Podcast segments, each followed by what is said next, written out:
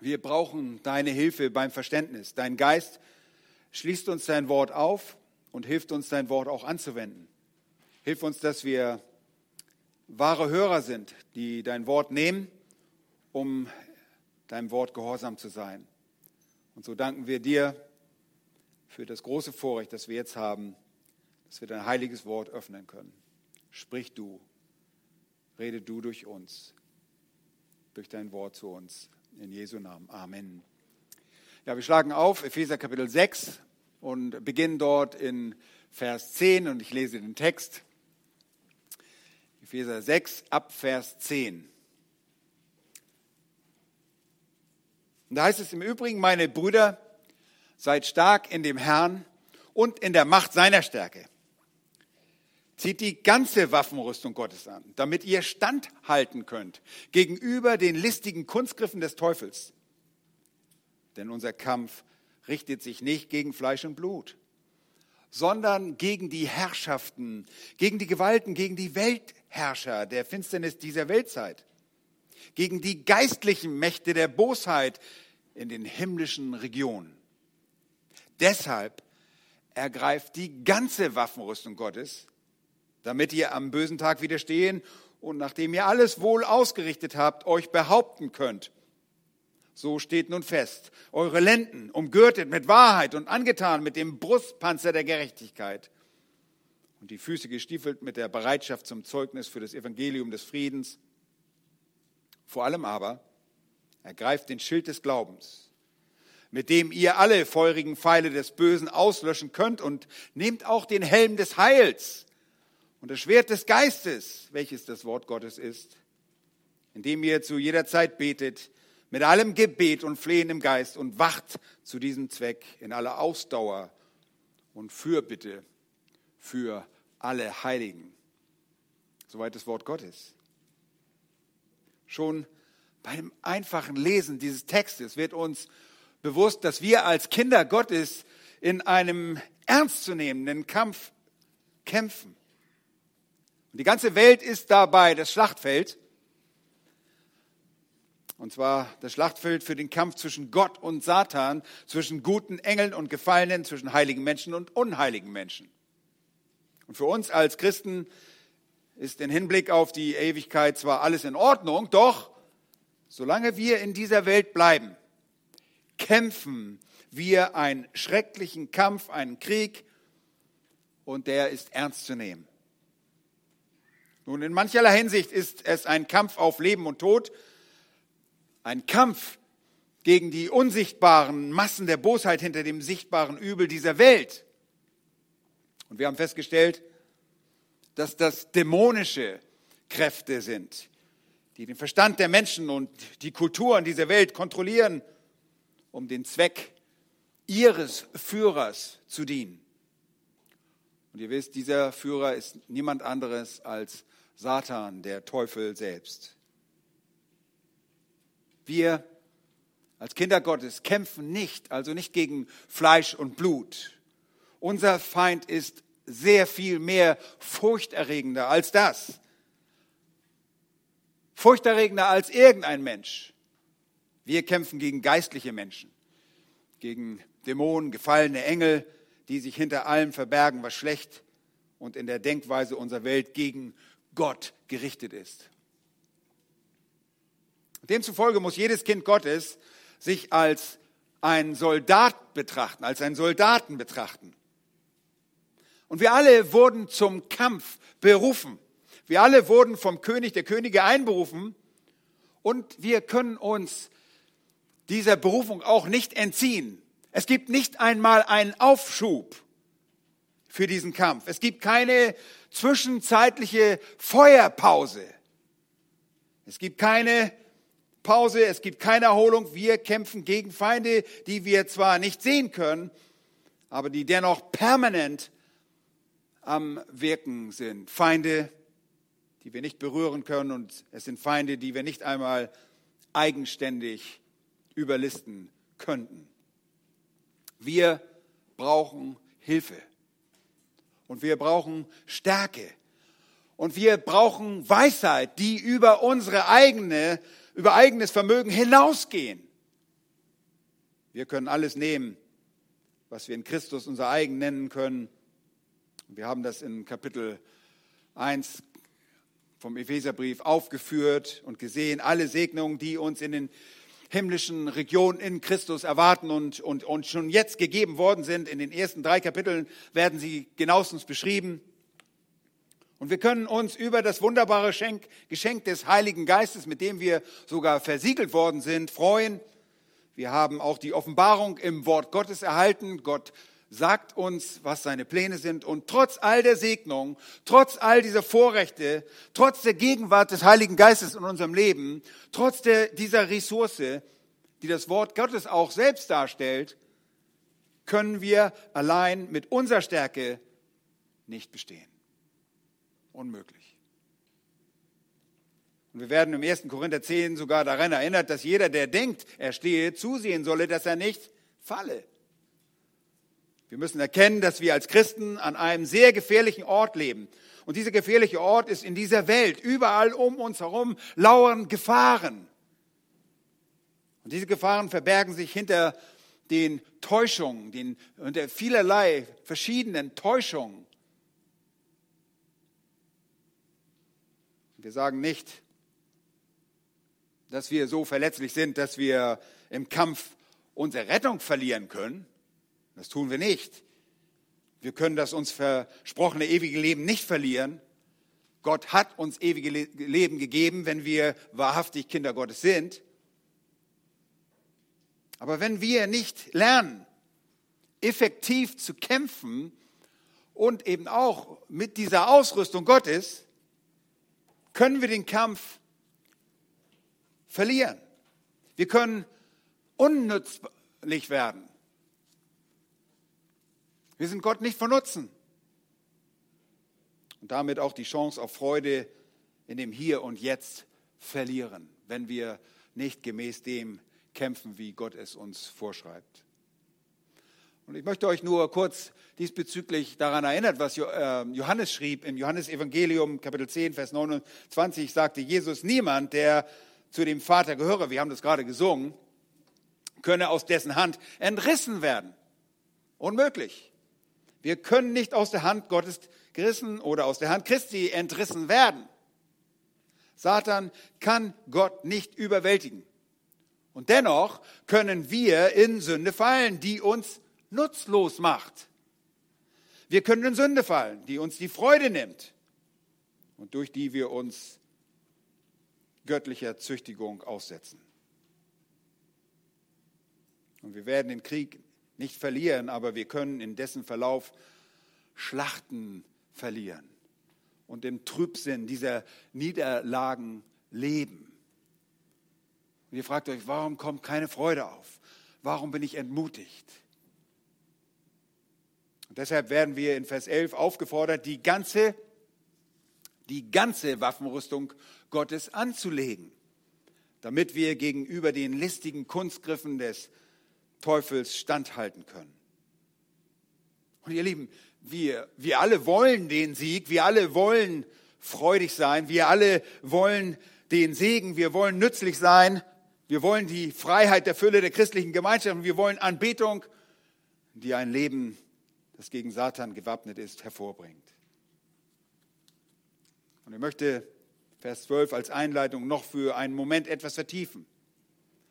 Nun, wir werden daran erinnert, dass unser Kampf sich nicht gegen Fleisch und Blut richtet. Nicht einfach gegen irgendeinen Menschen, gegen einen Streitsüchtigen.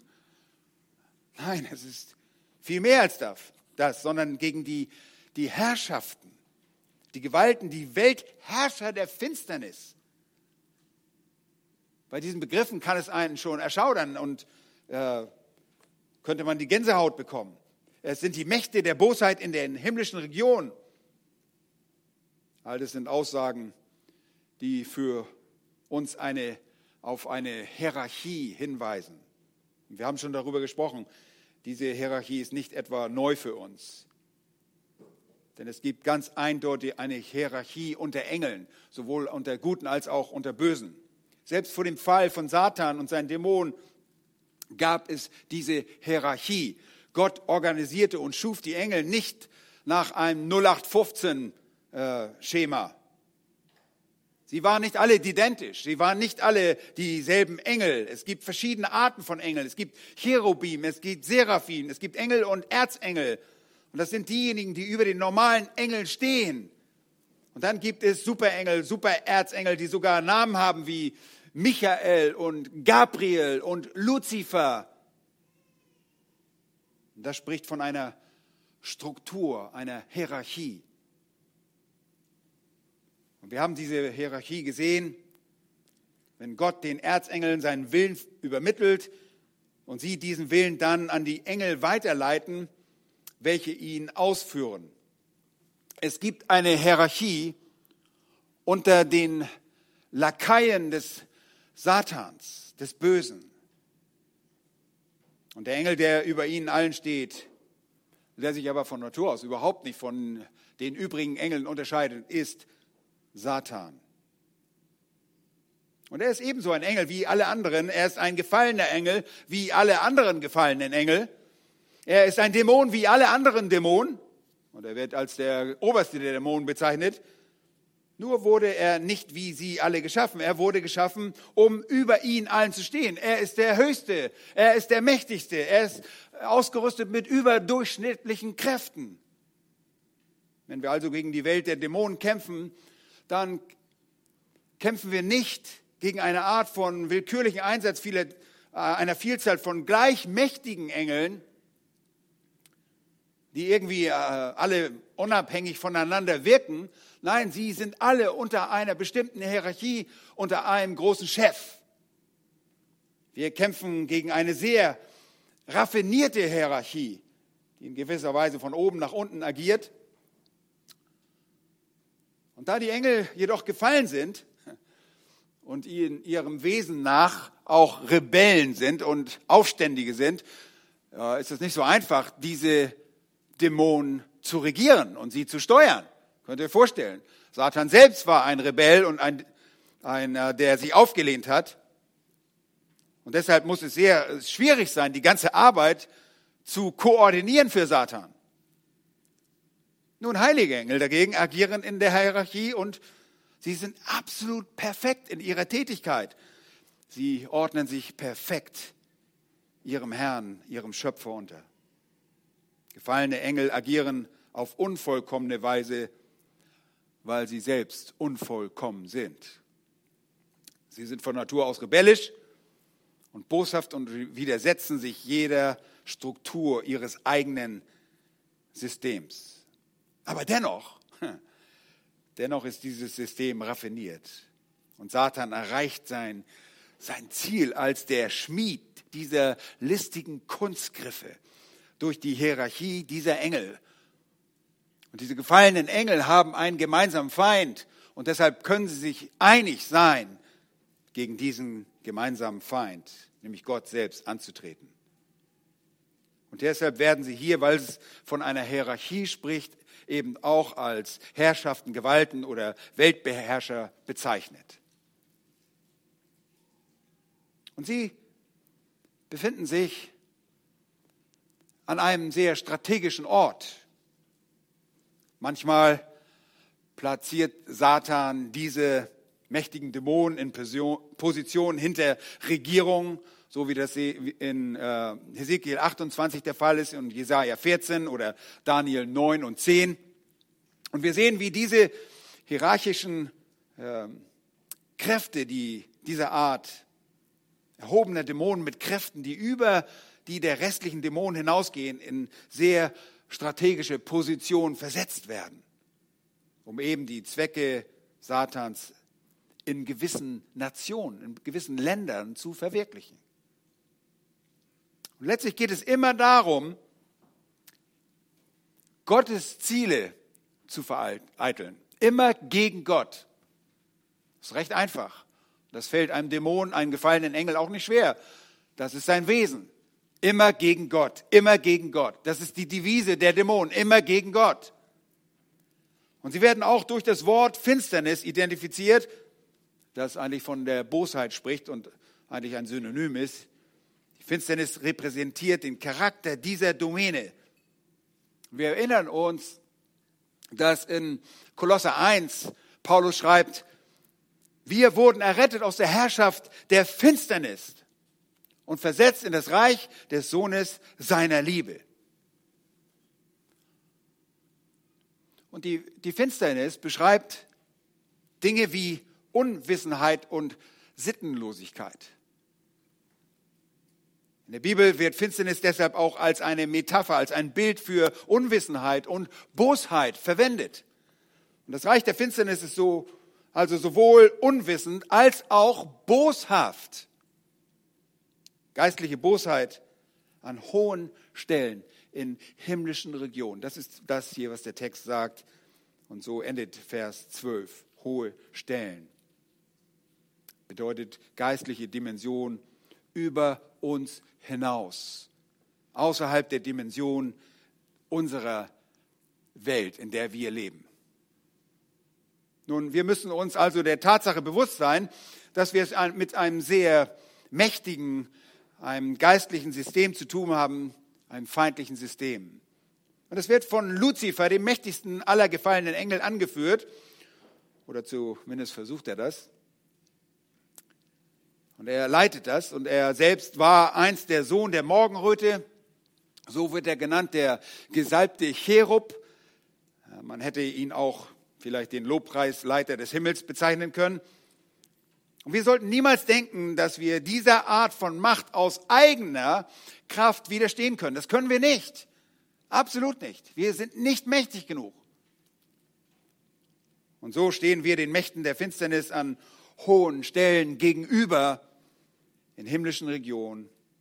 Wir stehen dieser Hierarchie boshafter Dämonen gegenüber die ihre Aufgabe ausüben, indem sie eine Weltkultur, und das kann man wirklich sagen, eine Weltkultur schaffen, die gegen Gott gerichtet ist. Und das Raffinierte und Gefährliche dabei ist, dass dies aber nicht nur unverhohlen gegen Gott ist. Das ist nicht immer offensichtlich nur gegen Gott.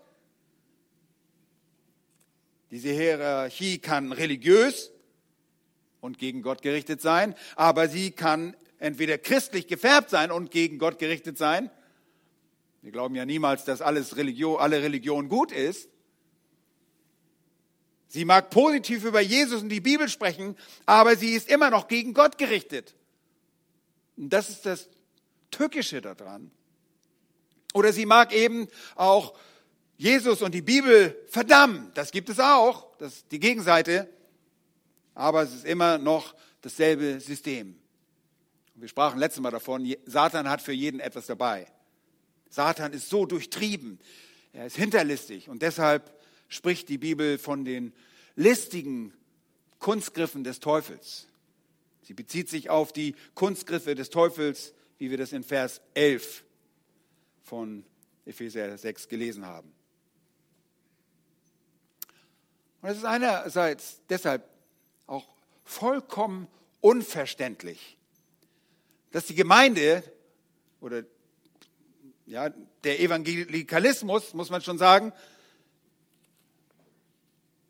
wenn sie das versteht, was für eine Gefahr das ist, dass sie so gleichgültig ist, dass sie dieses Szenarium als nicht existent, existent betrachtet und sich so verhält, als würde es diesen Kampf nicht geben. Es gibt eine gewisse Leichtsinnigkeit in der Gemeinde. Es gibt eine gewisse Oberflächlichkeit in der Gemeinde. Und es gibt eine gewisse Naivität in der Gemeinde. Und selbst Pastoren sind oft vielerorts einfach nur äh, Stehgreif-Komiker. Sie wollen als Entertainer auftreten. Sie wollen populär sein. Aber diese Situation, ihr Lieben, fordert von uns den ganzen Ernst. Und in diesem Ernst muss dieser gefährliche Sachverhalt angegangen werden. Es handelt sich hier um eine unerbittliche Macht, der wir als Kinder Gottes gegenüberstehen. Es handelt sich wirklich um eine Macht, der wir nicht alleine gegenübertreten können und damit wir uns damit auseinandersetzen können, leitet Vers 13 für uns dieses Thema ein, damit wir uns dann mit der ganzen Waffenrüstung befassen können. Wir müssen die ganze Waffenrüstung anlegen. Und das haben wir in Vers 11 bereits gesehen. Da heißt es, zieht die ganze Waffenrüstung Gottes an. Und wie jeder Soldat, der in der Vergangenheit in den Krieg zog und die Waffenrüstung anlegen musste, so müssen wir das tun. Jeden Morgen neu. Er musste sie anlegen und er musste sie anlegen und wir müssen sie anlegen und wir müssen sie anlegen und wir müssen sie anlegen und immer wieder müssen wir sie anlegen, weil es die einzige Art und Weise ist, wie wir am bösen Tag, so heißt es, widerstehen können. Nochmals, was ist das ja böse Tag? Der Tag, an dem das Böse die Welt beherrscht. Welcher Tag ist das? Heute. Heute, jetzt. Der heutige Tag. Und er dauert an, bis Christus selbst die Weltherrschaft übernimmt, indem er kommt und seine Füße den Ölberg berühren und er seine Herrschaft auf Erden errichten wird. Das Millennium, das tausendjährige Reich. Ihr Lieben, wir wollen in diesem Zeitalter, in dieser Zeit des beherrschenden satanischen Übels in der Lage sein, an diesem bösen Tag zu widerstehen. Und das, nachdem wir alles wohl ausgerichtet haben, wollen wir feststehen. Und manche Übersetzungen enthalten und gebrauchen hier das Wort widerstehen. Andere sagen behaupten, wie bei uns in der Schlachter 2000 oder feststehen. In allen dreien Fällen ist dasselbe griechische Wort verwendet wie auch in Jakobus Kapitel 4, Vers 7, wo es heißt, widersteht dem Teufel, so flieht er von euch. Und das ist genau dasselbe Verb, das in 1. Petrus Kapitel 5 und Vers 9 verwendet wird. Da heißt es, dem widersteht fest im Glauben. Und hier wird es nun das dritte Mal verwendet, Satan widerstehen. Und wir können nur widerstehen, das heißt verhindern, dass sich durch das System, in dem wir leben, das Weltsystem, das geordnete Böse, das boshafte, dieser boshafte Kosmos, ihr erinnert euch, das geordnete Böse, das wollen wir verhindern, dass sich das in unserem Leben weiter ausbreitet. Aber wie verhindern wir das? Nun, hier ist die Antwort indem wir durch eine Rüstung, eine Waffenrüstung geschützt werden. Nicht nur irgendeine, sondern Gottes Waffenrüstung. Und wenn wir diese Waffenrüstung Gottes tragen, werden wir am bösen Tag widerstehen können und werden in der Lage sein, schließlich festzustehen und stark zu sein. Und hier ist die Garantie, wir haben darüber gesprochen am Freitag, hier ist die Garantie dafür, dass wir den Sieg davon tragen können. Wir sind nicht hilflos diesen dämonischen Kräften und Mächten ergeben. Nun, darüber sprechen wir jetzt, über diesen Kampf. Es scheint dem Autor hier sehr wichtig gewesen zu sein, das äh, so ernst auszudrücken. Und das ist niemand anderes. Hinter dem Autor und hinter dem Schreiber steckt der wahre Autor, der Heilige Geist. Es war dem Heiligen Geist sehr wichtig. Und wenn es dem Heiligen Geist wichtig ist, dann ist es etwas Wichtiges. Wir müssen das sehr ernst nehmen. Und deshalb halten wir zum Beispiel in 1. Korinther 6, 16, Vers 13 ein sehr einfaches Gebot. Da heißt es, wacht, steht fest im Glauben und seid, das ist ein Fremdwort, mannhaft. Schon mal gehört, mannhaft? Ja, viele von uns sind nicht mehr mannhaft. Wir haben so viele Weicheier, so viel Weichlinge, ja, dass man nicht mehr mannhaft ist. Wie ist man mannhaft? Indem man stark ist. Da heißt es, seid stark. Tut alles in Liebe, aber seid stark, seid fest, seid mannhaft.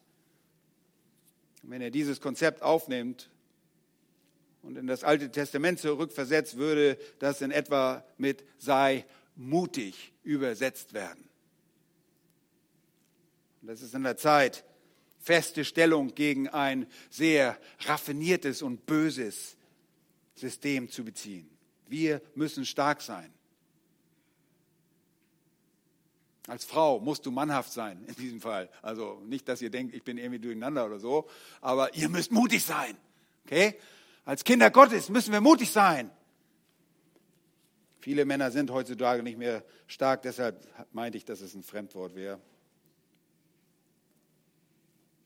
Nun, das ist die Voraussetzung dafür, um den Sieg zu erringen. Und das Christsein ist nichts für Schwächlinge. Es ist nichts für Leute, die einschlafen wollen. Und Petrus warnt uns mehrere Male davor. Und Petrus ist eine gute Wahl, um uns zu warnen, denn er selbst hat einige Schlachten verloren. Und deshalb ist er dazu prädestiniert, uns diese Warnung zu bringen. Ihr erinnert euch, in der Nacht der Festnahme unseres Herrn Jesus Christus verleugnete er den Herrn gleich dreimal. Und das war nicht das einzige Mal, dass er ihn verleugnet. Vielleicht erinnert Petrus uns deshalb so oft daran, dass wir feststehen müssen, dass wir dem Angriff Satans widerstehen müssen. Hört einmal auf die Worte aus dem ersten Petrusbrief, Kapitel 1, Vers 13. Da heißt es, darum umgürtet die Lenden eurer Gesinnung, seid nüchtern und setzt eure Hoffnung ganz auf die Gnade, die euch zuteil wird in der Offenbarung Jesu Christi. Als gehorsame Kinder passt euch nicht den Begierden an den ihr früher in eurer Unwissenheit dientet, sondern wie der, welcher euch berufen hat, heilig ist, sollt auch ihr heilig sein in eurem ganzen Wandel. Wir haben es gerade gesungen. Mach uns heilig. Kapitel 2 sagt er so, legt nun ab alle Bosheit und allen Betrug und Heuchelei und Neid. Und er wiederholt die Ermahnung dann in seiner zweiten Epistel und warnt uns in einem Vers, den wir uns alle zu Herzen nehmen müssen. Im zweiten Petrusbrief, Kapitel 3 und Vers 17 heißt es, ihr aber Geliebte, da ihr dies im Voraus wisst, hütet euch, so hütet euch, dass ihr nicht durch die Verführung der Frevler mit fortgerissen werdet und euren eigenen festen Stand verliert. Petrus kannte das. Er lebte das aus und wusste genau, wovon er schrieb. Die wahre die ewige Belohnung werden diejenigen erhalten, die feststehen. Für alle die, die widerstehen. Das wahre Zeugnis zur Ehre Christi wird von allen abgelegt, die feststehen, die widerstehen. Diejenigen, die feststehen und widerstehen, sind es, die auch wirklich nützlich sind. Und das wollen wir sein, oder? Wollen wir nicht nützlich sein für unseren Herrn? Doch, das wollen wir. Als ich vor äh, fast 40 Jahren Student an einer Bibelschule war, waren wir in einer Klasse und eine kleine Gruppe von Männern, die darum bemüht waren, das Predigen zu erlernen. Wir waren eine Handvoll dieser Männer, die darum eiferten, das Wort richtig auszulegen. Das ist schon 40 Jahre her, meine Güte, wie alt bin ich eigentlich? Okay, mindestens zwei dieser Männer, und das ist nicht so schwierig, aber waren viel bessere Prediger als ich, denen man auch viel lieber zugehört hätte als mir. Aber beide konnten in ihrem Leben nicht widerstehen. Der eine rutschte in unehrliche, sehr fragwürdige Geschäfte ab. Dem Herrn sei Dank, er bereute es kurz vor seinem Tode, bevor er starb. Der andere geriet in einen psychologisch geprägten Lebenswandel. Nun, waren sie oder sind sie keine Christen? Ich hoffe schon. Sind sie nützlich? Nein. Nein. Und ich will mich nicht damit überheben, denn ich kenne auch Niederlagen in meinem eigenen Leben. Aber diese Niederlagen haben mir geholfen, meinen Blick für diese Dinge zu schärfen und ich nehme mir Warnungen als Warnungen zu Herzen, obwohl mir das auch nicht hundertprozentig gelingt. Aber Warnungen der Schrift sind immer sehr ernst zu nehmen. Wir müssen unseren Blick dafür schärfen, dass wir das nicht leicht übersehen und mit Leichtigkeit darüber fliegen. Auch wenn wir alle nie darin perfekt werden, so können wir widerstehen in der Kraft und Stärke des Herrn und im Gehorsam, wenn wir die ganze Waffenrüstung Gottes anziehen. Paulus sagt uns an dieser Stelle also, dass wir zur Verteidigung bereit sein müssen. Versteht ihr das? Wir müssen bereit sein. Ich hoffe, das ist verständlich. Und darum geht es hier im Wesentlichen. Wir müssen zur Verteidigung bereit sein. Ihr Lieben, bei aller Verteidigung aber gibt es auch eine offensive Seite. Und der Grund, warum wir zur Verteidigung bereit sein müssen, ist, weil wir auch auf Angriff aus sind. Aus sind. Wir sind nicht nur Verteidiger. Wir sind Angreifer. Was bedeutet das? Das heißt, wenn ihr nichts gegen Satan tut, dann werdet ihr auch keinen großen Kampf austragen, weil ihr jeden Tag einfach nur für euch selbst lebt. Dann gibt es auch keinen Kampf. Dann habt ihr nur Kampf mit euch selbst. Aber wenn wir aktiv das Reich Gottes bekämpfen, und das wünsche ich mir von uns allen, Amen, dann werden wir uns verteidigen müssen, weil Satan eine Gegeninitiative einleitet. Und je effektiver unsere Offensive ist, umso notwendiger wird auch unsere Verteidigung. Paulus zum Beispiel begriff das, dass er in seinem Dienst tief in das Territorium des Reiches Satans hineindrang. Und er riss die verlorenen Sünder wie Holzscheite aus einem Feuer, um es mit den Worten von Judas zu sagen. Er drang jeden Tag seines Lebens in dieses feindliche Territorium vor, was sein Feind natürlich rasend machte und dieser, diesen dazu veranlasste, die Opposition zu verschärfen. Aber warum hat Paulus das getan? Warum ist der Apostel Paulus zum Angriff übergegangen und musste deshalb widerstehen? Nun, ich sag's ihm, sag's euch, weil ihm die Seelen derjenigen am Herzen lagen, die in Satans Fängen waren. Und es war sein Sendungsbefehl, so wie es unser Auftrag ist, hinzugehen, den Menschen das Evangelium zu bringen. Und das liebt der Satan überhaupt nicht.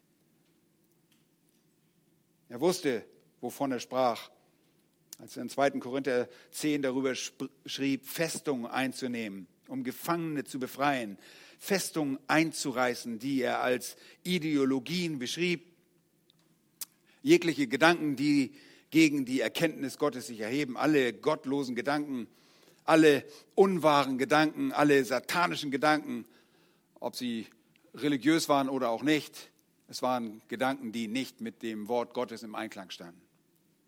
Paulus stürmte diese Festung, nicht physisch, nicht physisch. Er stürmte diese ideologischen Festungen, die Menschen gefangen halten, um sie zu befreien, wie er es in 2. Korinther 10 ausdrückte. Um was? Um jeden zum Gehorsam gegen Christus zu nehmen. Und er kam mit der Wahrheit. Paulus wollte diese Menschen für Gott gewinnen, sehnte sich danach, dass sie aus dem Reich der Finsternis errettet und das Reich von Gottes geliebten Sohn geführt würden. Und obwohl die Waffenrüstung also defensiv ist, damit wir uns behaupten und widerstehen können, ist die Schlacht auch deshalb furchterregend, weil wir uns gemäß unseres Auftrages auch in der Offensive befinden. Verstanden? Also Verteidigung und Angriff.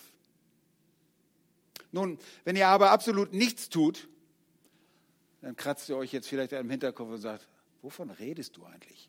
Was, was, was sagst du da eigentlich? Wenn ihr auf irgendeine Art und Weise aber an diesem Kampf beteiligt seid, dann versteht ihr auch, was es bedeutet, dem Angriff zu widerstehen, dem ihr ausgesetzt seid. Ihr Lieben, der Kampf ist real.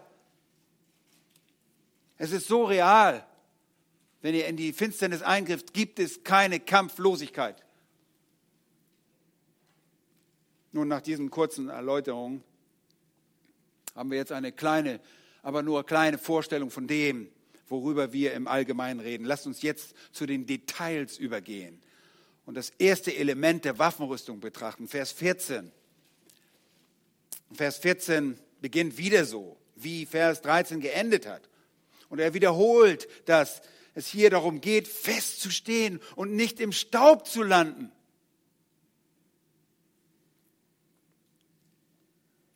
Ich möchte hier als Erklärung auch für das Feststehen gerne auf die Sprache von 1. Korinther 9 zurückgreifen, wo Paulus äh, sprach von der Angst, die er hatte.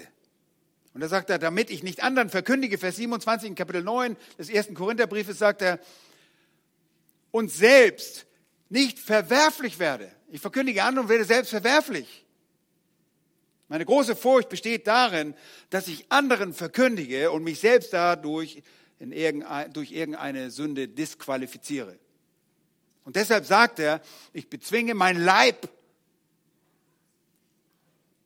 Und da ist unser Angriffspunkt, in unserem Leib. Ich bezwinge meinen Leib, meinen Körper, ich beherrsche ihn, damit ich nicht anderen verkündige und selbst verwerflich werde. Und so steht nun fest, eure Lenden umgürtet mit Wahrheit. Und der Teufel ist ein, von Anfang an ein Lügner.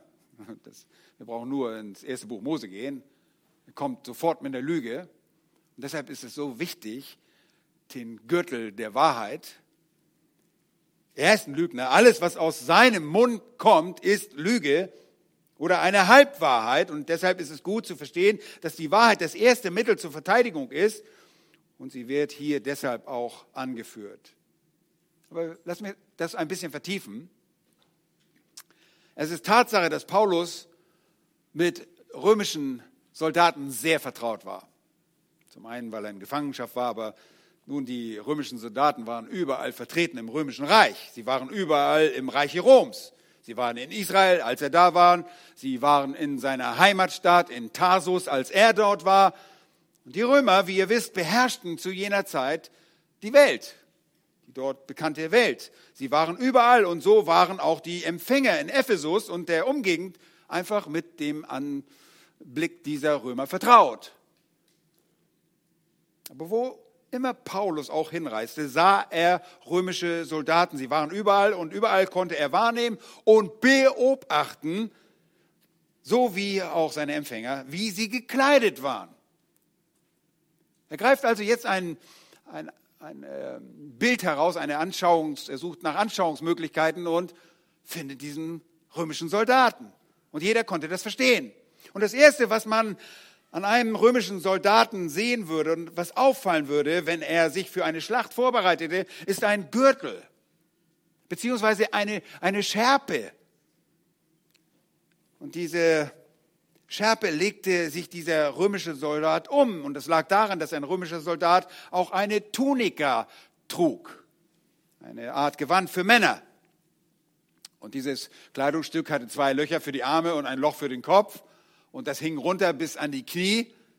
Ja, das erinnert mich so ein bisschen an Superboy, ja, habe ich schon gesagt am Freitag, ja, in diesem äh, Film Die Unglaublichen der an diesem Kleidungsstück und seinem Cape zugrunde ging, als es ins äh, Triebwerk gelang. Aber hier ist ein langes äh, Gewand eines römischen Soldaten, das bis an die Knie reicht. Und wenn man in den Kampf zog, dann wurde diese Tunika mit einer Schärpe festgezurrt. In der Regel trug ein Soldat auch ein Unterkleid, sodass die Ecken der Tunika, die, der lange Saum dieser Tunika, hochgezogen und in die Schärpe gesteckt und so fest wie möglich gezogen wurde. Denkt daran, dass ihr in einen Nahkampf zieht und ihr wollt nicht, dass euer Gewand im Wind herumflattert oder jemand es festhält und, oder euch über den Kopf zieht und dann siehst du nichts mehr, dann ist der Ofen aus. Ihr könnt euch nicht auf einen tödlichen Kampf einlassen, wenn euer Gewand herumflattert oder sich in Sträuchern oder bei Superboy ins Triebwerk gerät oder in irgendwelchen Büschen verheddert oder euch selbst in die Quere kommt. Nun, dieses Gewand, diese Tunika musste festgezurrt werden, damit man auch das Schwert rausziehen konnte. Wir wollten nicht, dass das Schwert irgendwo darunter versteckt ist und ihr nicht an das Schwert herankommt. Soldaten mussten schnell rennen, sie mussten überaus eifrig, geschickt und schnell sein. Und so mussten alle diese losen Enden festgezogen werden, da sie sonst ein leichtes Ziel für den Feind abgegeben hätten. Und das Ganze bedeutet und deutet auf etwas hin, was dieses Bild ausdrücken möchte. Und das ist vorbereitet sein. Es deutet auf ein Vorbereitetsein hin. Es ist Bereitschaft. Und das deutet auf Wachsamkeit hin. Ein Soldat brauchte eine Schärpe und die konnte manchmal aus Leder sein oder aus irgendeinem anderen Material, um alles zusammenzuraffen und das Gewand hochzuziehen, wenn es irgendwie zu lang war, es festzuzurren, damit er sich schnell bewegen konnte und niemandem gegenüber benachteiligt wäre. Und an dieser Schärpe dann wurden in der Regel auch seine Waffen befestigt. Sie hielt ein Schwert oder einen Bogen und auch einige Pfeile. Und diese Schärpe hat in der Regel auch einige Identifikationsmerkmale an sich, äh, die vielleicht darauf hinwiesen, in welcher Schlacht der Soldat bereits gekämpft hatte, welche Schlachten er gewonnen hatte. Ja, wisst ihr, wie in unserem Militär oder ja, da gibt es irgendwelche Abzeichen, die man dann trägt und mit breiter Brust geht der Soldat dann durch die eigenen Reihen, weil er schon so viel gewonnen hatte. Nun, diese Abzeichen sprachen dann von dem Heldenmut dieser Soldaten. Und so wurde die Schärpe, dieser Gürtel, effektiv zu einem Sinnbild für die Schlacht. Niemand würde in den Krieg gehen, ohne sich diese Schärpe anzulegen. Das war die Vorbereitung dafür. Wenn man eine Schärpe anlegte, zog man in den Kampf. Sie war ein Kennzeichen des Kampfes. Dort waren die Waffen des Soldaten, dort waren die Auszeichnungen.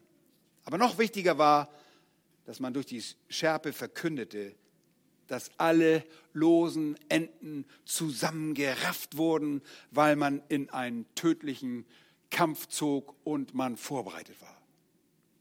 Und es ist eine passende Kombination von Dingen.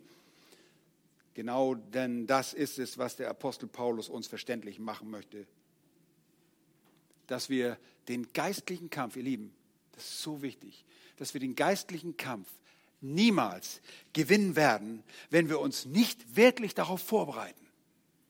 Wir spazieren nicht einfach nur so durch das Leben als Kinder Gottes. Wir müssen vorbereitet sein.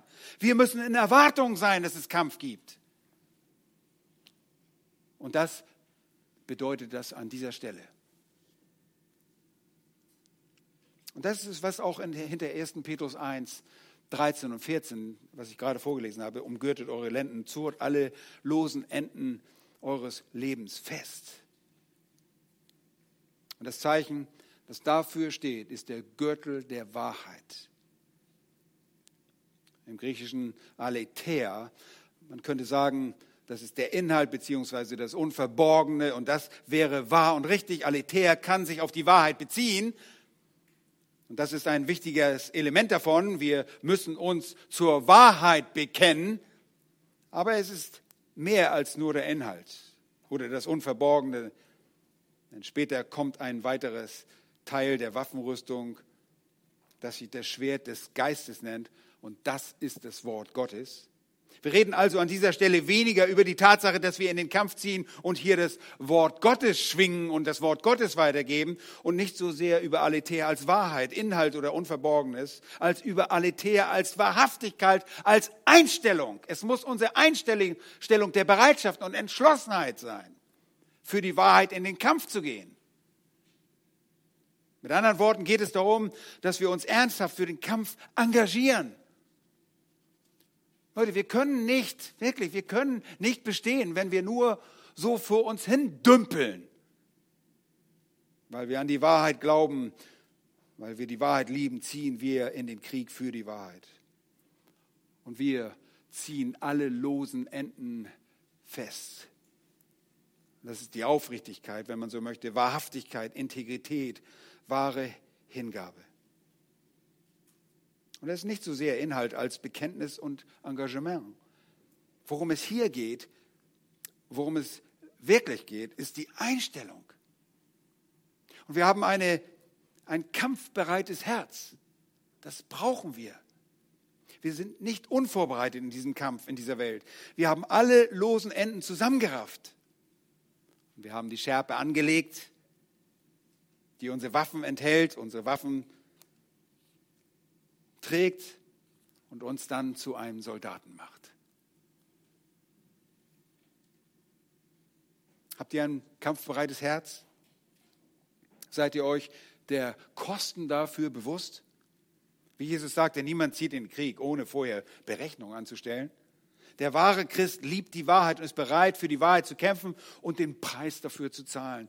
Wir werden den Glauben, der den Heiligen ein für alle Mal verliehen wurde, äh, ernsthaft verfechten. Wir ziehen in den Kampf für die Wahrheit. Aber in Wirklichkeit ziehen wir für unseren eigenen geistlichen Schutz in den Kampf. Bitte denkt daran und erinnert euch daran, dass wir nicht so sehr von der Förderung des Evangeliums reden, als davon, uns gegen Satan zu verteidigen. An dieser Stelle. Ihr Lieben, wir werden den geistlichen Kampf gegen unseren furchterregenden Feind, mit dem wir Tag für Tag, Stunde um Stunde konfrontiert werden, nie gewinnen, wenn wir uns für diesen Sieg nicht voll und ganz einsetzen. Halbherzigkeit geht nicht. Sofern unsere christliche Praxis sich einfach nur durch Untätigkeit auszeichnet, werden wir ständige Verlierer sein. Ständig. Wenn wir mit all den losen Enden unseres Lebens zufrieden sind, mit unseren kleinen Sünden, wie wir denken, dass sie klein sind, wenn wir mit unserem sporadischen Interesse am Gebet zufrieden sind, mit unserem sporadischen Interesse am Lobpreis, unserer Gleichgültigkeit gegenüber großartiger geistlicher Wahrheit, wenn wir zufrieden sind mit unserem geringen Verständnis der Größe Gottes und wenn wir zufrieden sind mit den Sünden in unserem Leben, dann sind wir bereits vorbelastete Soldaten, schlecht auf den Kampf eingestellt und vorbereitet. Stellt euch dann nicht auf Sieg ein, sondern macht euch darauf gefasst, dass ihr Niederlagen erleben werdet. Um es mit den Worten aus äh, Hebräer 12 zu sagen, sagen einer anderen Metapher der, des Glaubenskampfes. Wenn wir ein Rennen laufen, müssen wir die Gewichte, die Bürden ablegen, die uns belasten. Ihr lieben Läufer der, der Leichtathletik tragen in der Regel keine Jacke im Wettkampf. Man legt alles ab, was einen belastet. Und das ist genau das, was der Apostel Paulus sagt. Er sucht nach jenem eifrigen Engagement. Sine sera, sine sera. Das bedeutet aus dem Lateinischen ohne Wachs. Und ich sage, was ist das denn? Was sagt? Das bedeutet ohne Wachs. Woher kommt das?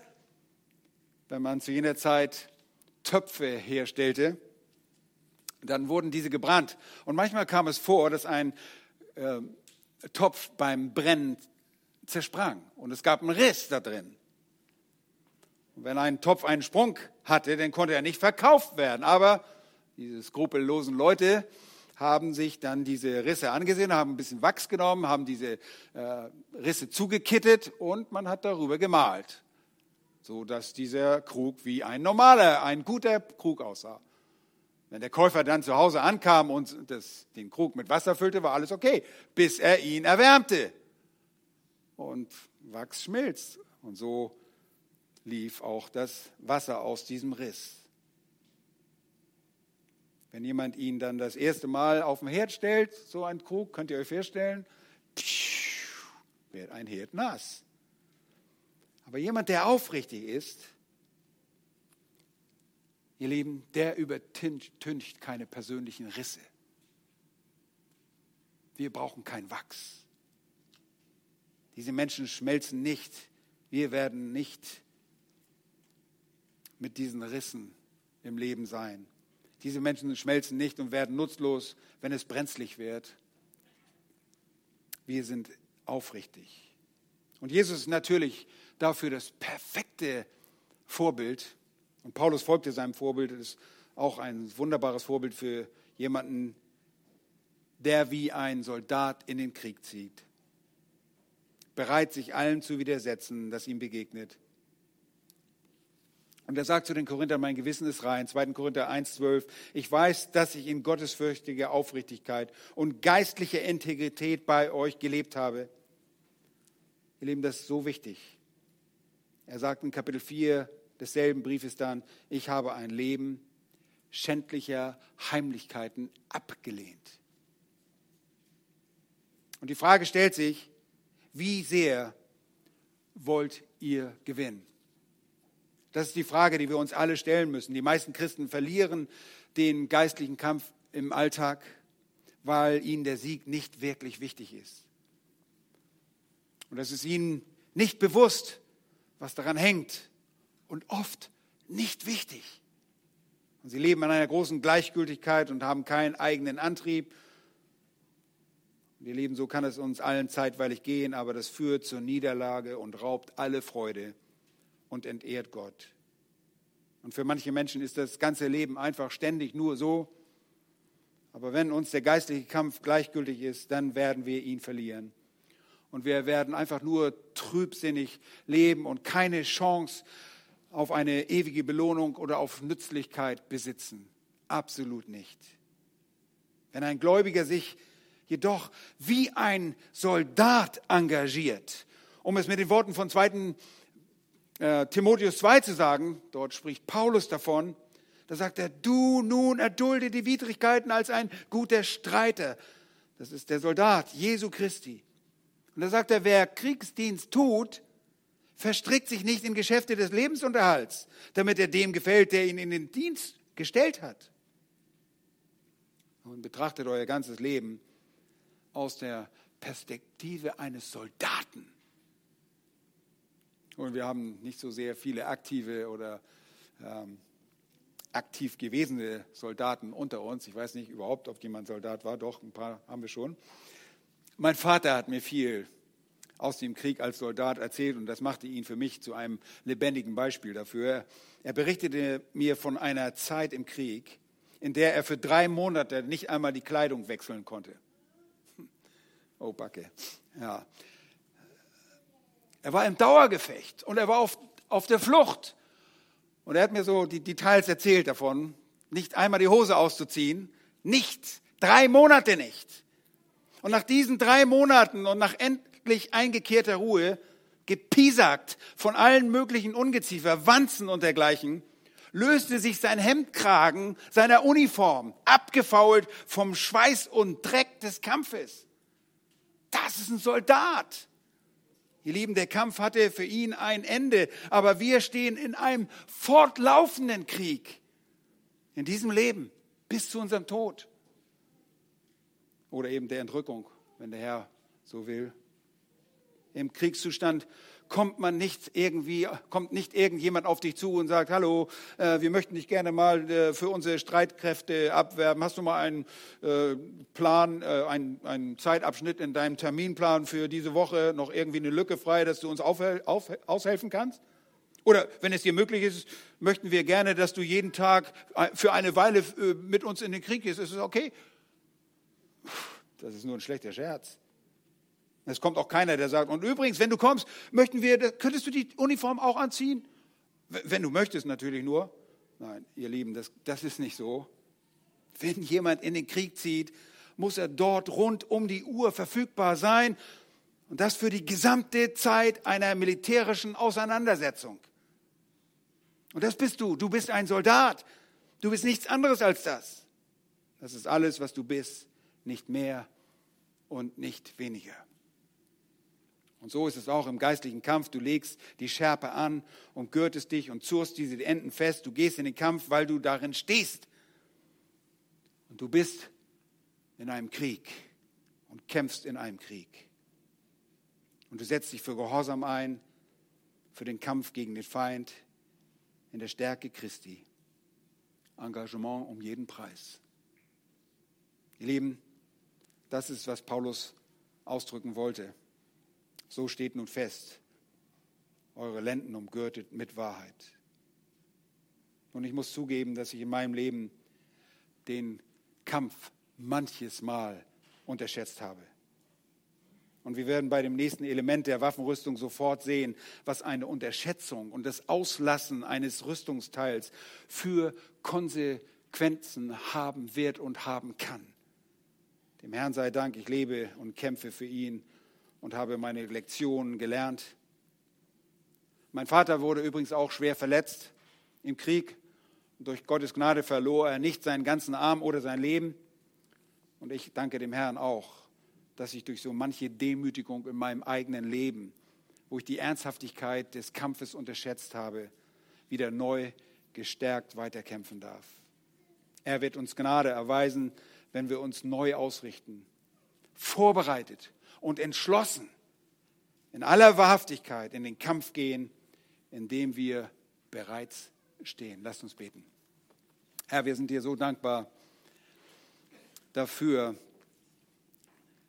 dass du uns nicht allein gelassen hast, nachdem du uns errettet hast.